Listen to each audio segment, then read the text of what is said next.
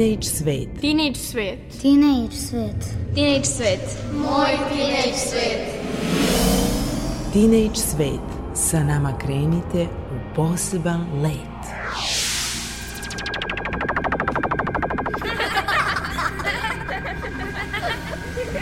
Kreativan dečji svet.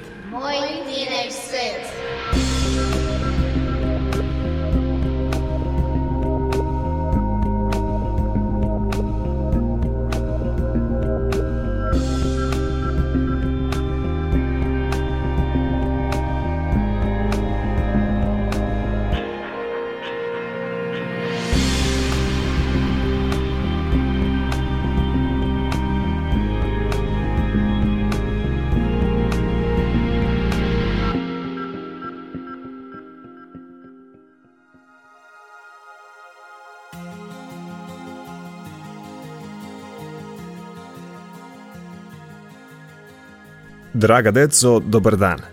Znam, znam da ste na raspustu, ali to nije razlog da ne poslušate još jedno izdanje emisije Teenage Svet. Ja sam Nikola Rausavljević i narednih pola sata vodit ću vas kroz ovo naše radijsko putovanje. Ostanite uz prvi program radija Radio Televizije Vojvodine i poslušajte zanimljive stvari koje smo pripremili za vas. Na početku slušamo novosadski bend Negde između i njihovu novu pesmu Odlaziš tiho.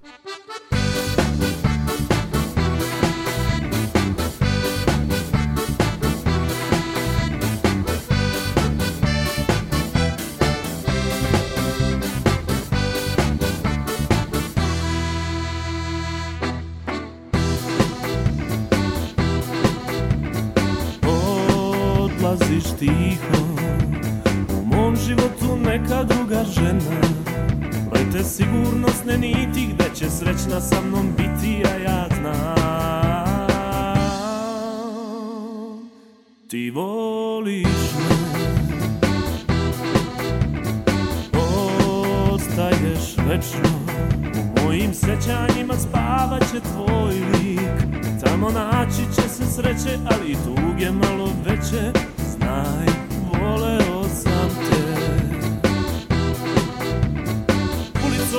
straty cudancjaj, zalubicisz lata swego stanu.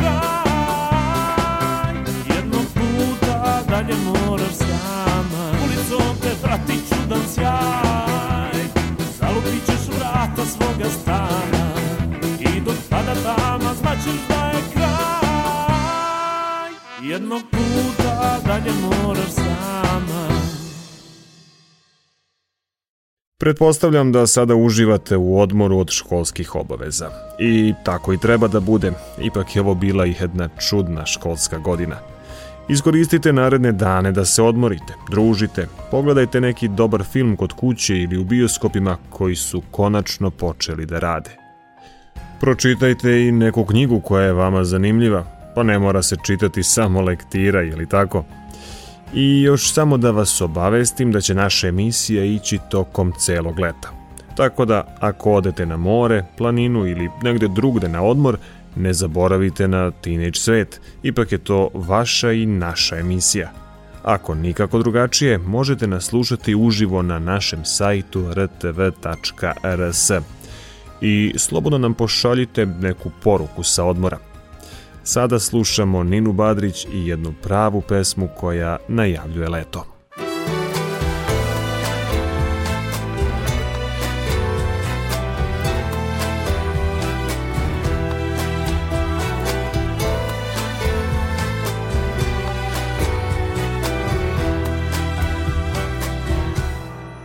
Samo jedna istina me boli Sve dok nisam znala gdje si ti Ili nisam znala ko me voli Ili nisam znala voljeti Ova ljubav otrov je u krvi Ma pustite me da pretjerujem Evo srce do kraja mi smrvi Pa neka griješi što ti vjerujem Ja ne mogu da biram Da biram sve i da hoću.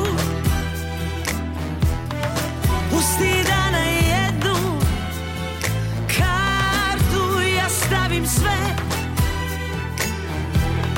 A kada po zlu krene Ma ne pitaj što ću. Jer i kada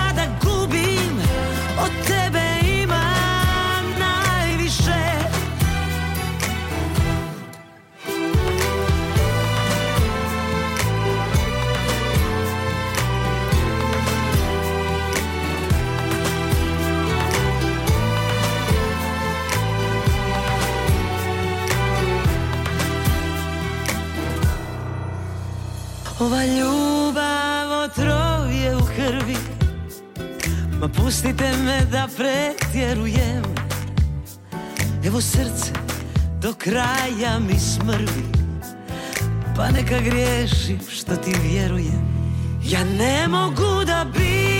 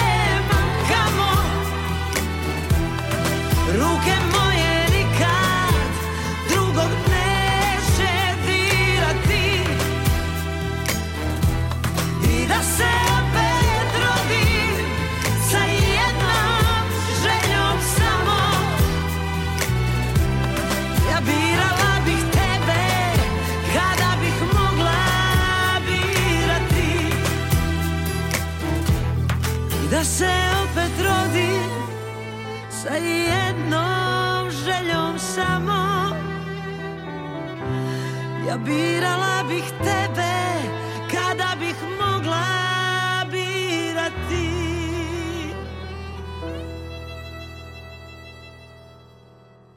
Nastavljamo druženje u laganom ritmu i uz poeziju. Željana Ostojić će vam reći nešto više o Radjardu Kiplingu.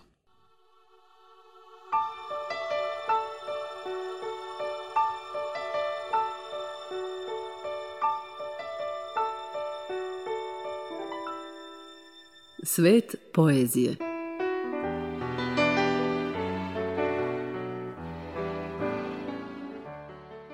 Da li ste čitali ili gledali dirljivu priču i avanturu o odrastanju dečaka Moglija? Verujem da ničije detinstvo nije moglo da prođe bez čuvene knjige o džungli, koja se bezbroj puta našla na filmskom platnu. Njen tvorac je Rudyard Kipling, koji je stekao svetsku slavu zahvaljujući ovom delu. Ovaj proslavljeni engleski pisac, novinar i pesnik rođen je u Indiji, a obrazovanje je stekao u Engleskoj. Međutim, po završetku školovanja, put ga je vratio u rodno mesto gde je provodio vreme radići kao novinar. Velika povezanost sa živopisnom i egzotičnom Indijom pretočila se u brojne knjige koje su posvećene ovoj veličanstvenoj zemlji. Osim knjige o džungli, njegova najpoznatija dela su Kim i Hrabri kapetani. Vodio je uzbudljiv život ispunjen putovanjima i napetim situacijama. Jedno vreme je čak kao ratni dopisnik učestvovao u ratu protiv Bura. Bio je fasciniran vojnicima mnogo pre Prvog svetskog rata, a ime je stekao nakon objavljivanja zbirke poezije pod naslovom Balade iz kasarne. Na vrhuncu karijere Kipling je bio najomiljeniji pisac u Velikoj Britaniji. On je bio prvi Britanac koji je dobio Nobelovu nagradu za književnost 1907. godine i danas je njen najmlađi dobitnik. Takođe, nosilac je i zlatne medalje Kraljevskog društva za književnost. Pesma Ako, Radjarda Kiplinga, prema mnogim kritičarima, ali i mišljenjima šire publike, jedna je od najboljih pesama proteklog milenijuma i zato je ove subote čitamo u prevodu našeg Nobelovca Ive Andrića.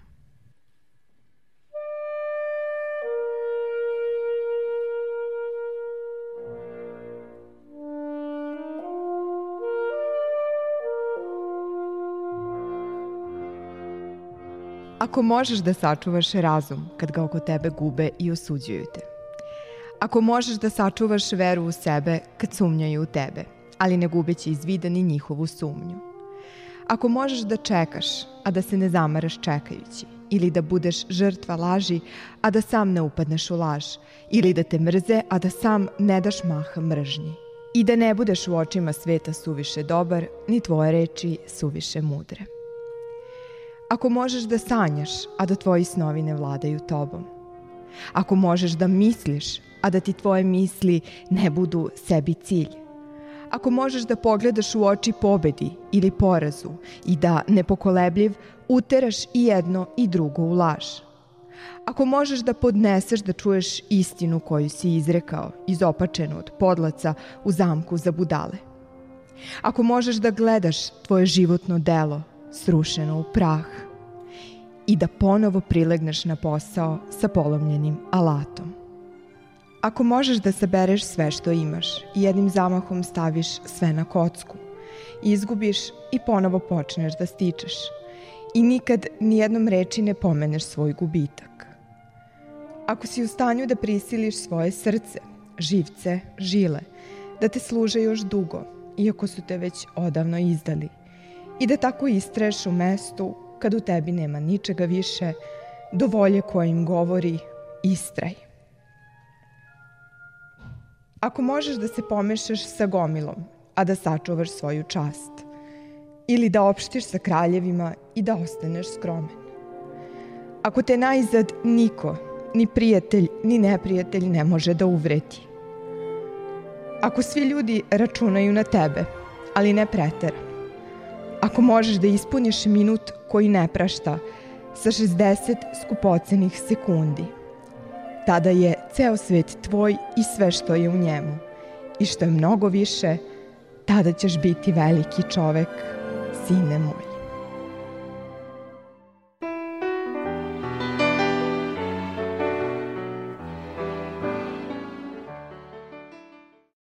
A sada slušamo o rečima na slovo M koje je u srpski riječnik uneo Vuk Stefanović Karadžić.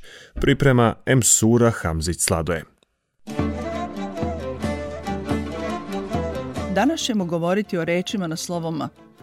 Prva reč koju smo izdvojili iz Vukovog riječnika je moba. Ova reč svedoči jedno prošlo i čini se bolje i plemenitije doba kada su ljudi više marili jedni za druge i pomagali se međusobno – Evo kako je Vuk objašnjava. Kod Srba je običaj da idu ljeti u neke svece, kada ne smiju sebi raditi, idu da rade na mobu, to jest bez plate, samo za jelo i za piće. Najviše idu na mobu težanju, Rijetko kose, kopaju kukuruze, kupe sjeno ili šljive, ka što se prede na mobu. Zato se žetelačke pjesme zovu i mobarske pjesme. On daje i primer kroz sljedeće stihove. Žetvu žela moba Todorova. Đulkaduna mobu sakupila. Sljedeća reč je mlačenica. Vuk je objašnjava ovako. U Srbiji se tako zove sir što se gradi od tropa koji ostane od skorupa kad se prepira. Od takvoga sira načine žene kao kolačiće pa spremaju čobanima za užinu. Drugo značenje ove reči je voda što ostane kad se prepira skorup. Vuk navodi kao primjer stihove. Ti ne piješ mlaćenicu batom bivenu, nego vino kratošiju kukom trapljenu. Milost je reč koja ima najmanje tri značenja u Vukovom rječniku. Za prvo značenje on daje sljedeći primjer. Na milosti, care gospodine. Ovdje bi reč značila na volju ti, kako ti odlučiš. Za drugo značenje Vuk daje kao primjer stihove. Nema lica bez crvena vinca, ni radosti bez zelena venca, ni milosti bez tuđeg junaka. I kao primjer za treće značenje navodi stihove. Braća Seju vrlo milovala, svaku su joj milost donosila, najposlije nože okovane. Magaza je neka vrsta ostave, podruma u kojem se drže namirnice i roba. Ovu reč susrećemo i u stihu lirske pesme Uđe fata u magazu sama, za njom mujo zamandali vrata. poslovice i izreke za kraj. Mudrost svetom vlada. Malena je tica prepelica, a lumori konja i junaka. Magarac je magarac i pod zlatnim sedlom. Toliko za danas iz Vukovog rječnika.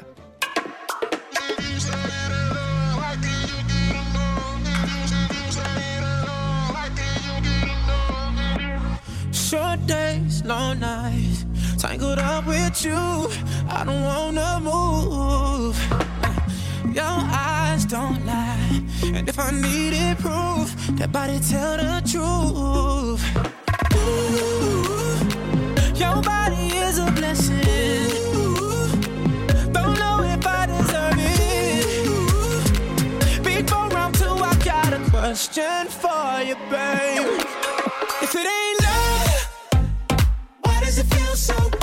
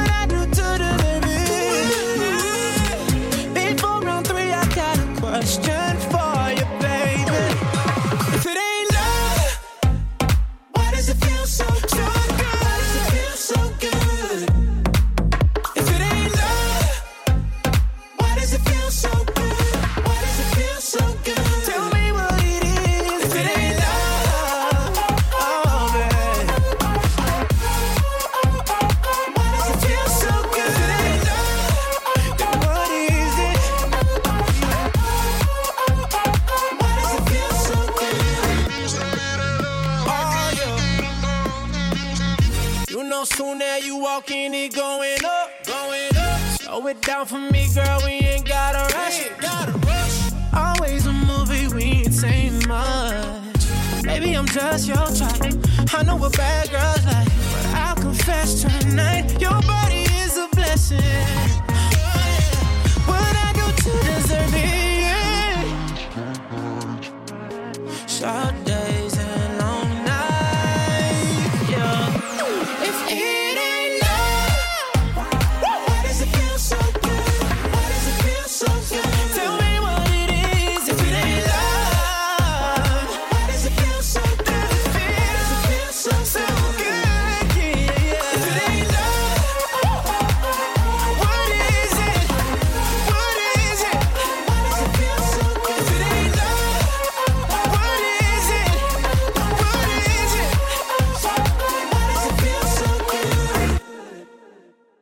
Pred kraj emisije čujte šta moj kolega Bojan Vasiljević ima da vam kaže o ikonicama koje svakodnevno koristimo.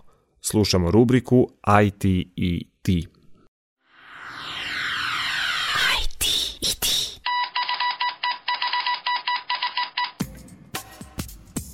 Ko je izmislio ikonice?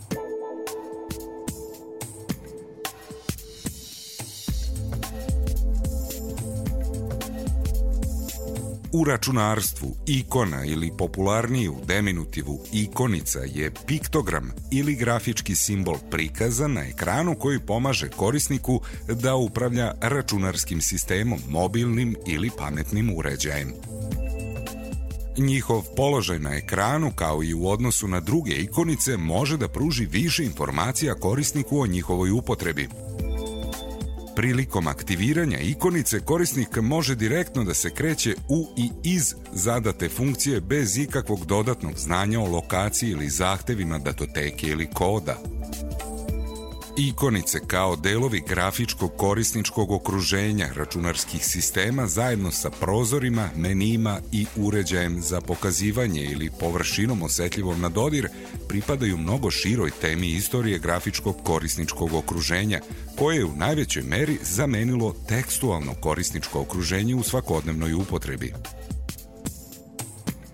Ali kako su ikone ili ikonice nastale?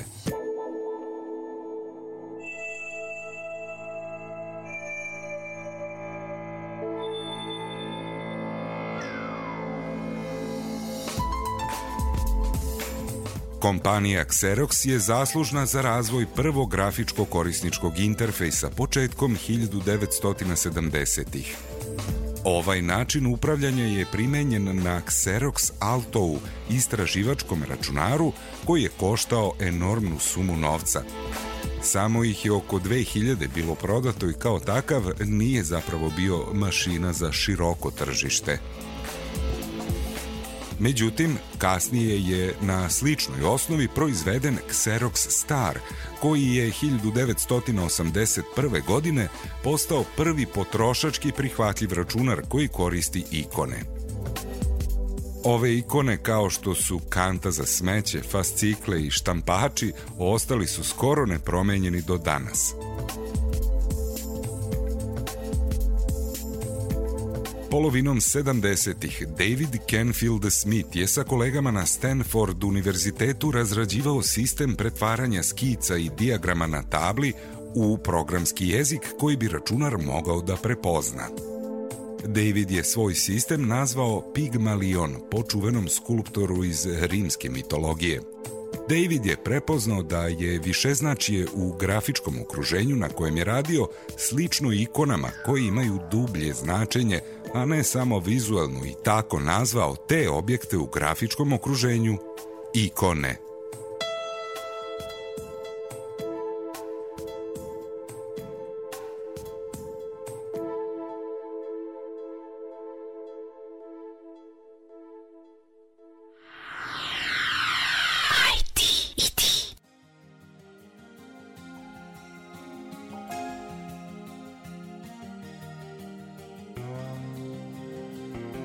Draga deco, stigli smo do kraja našeg današnjeg druženja.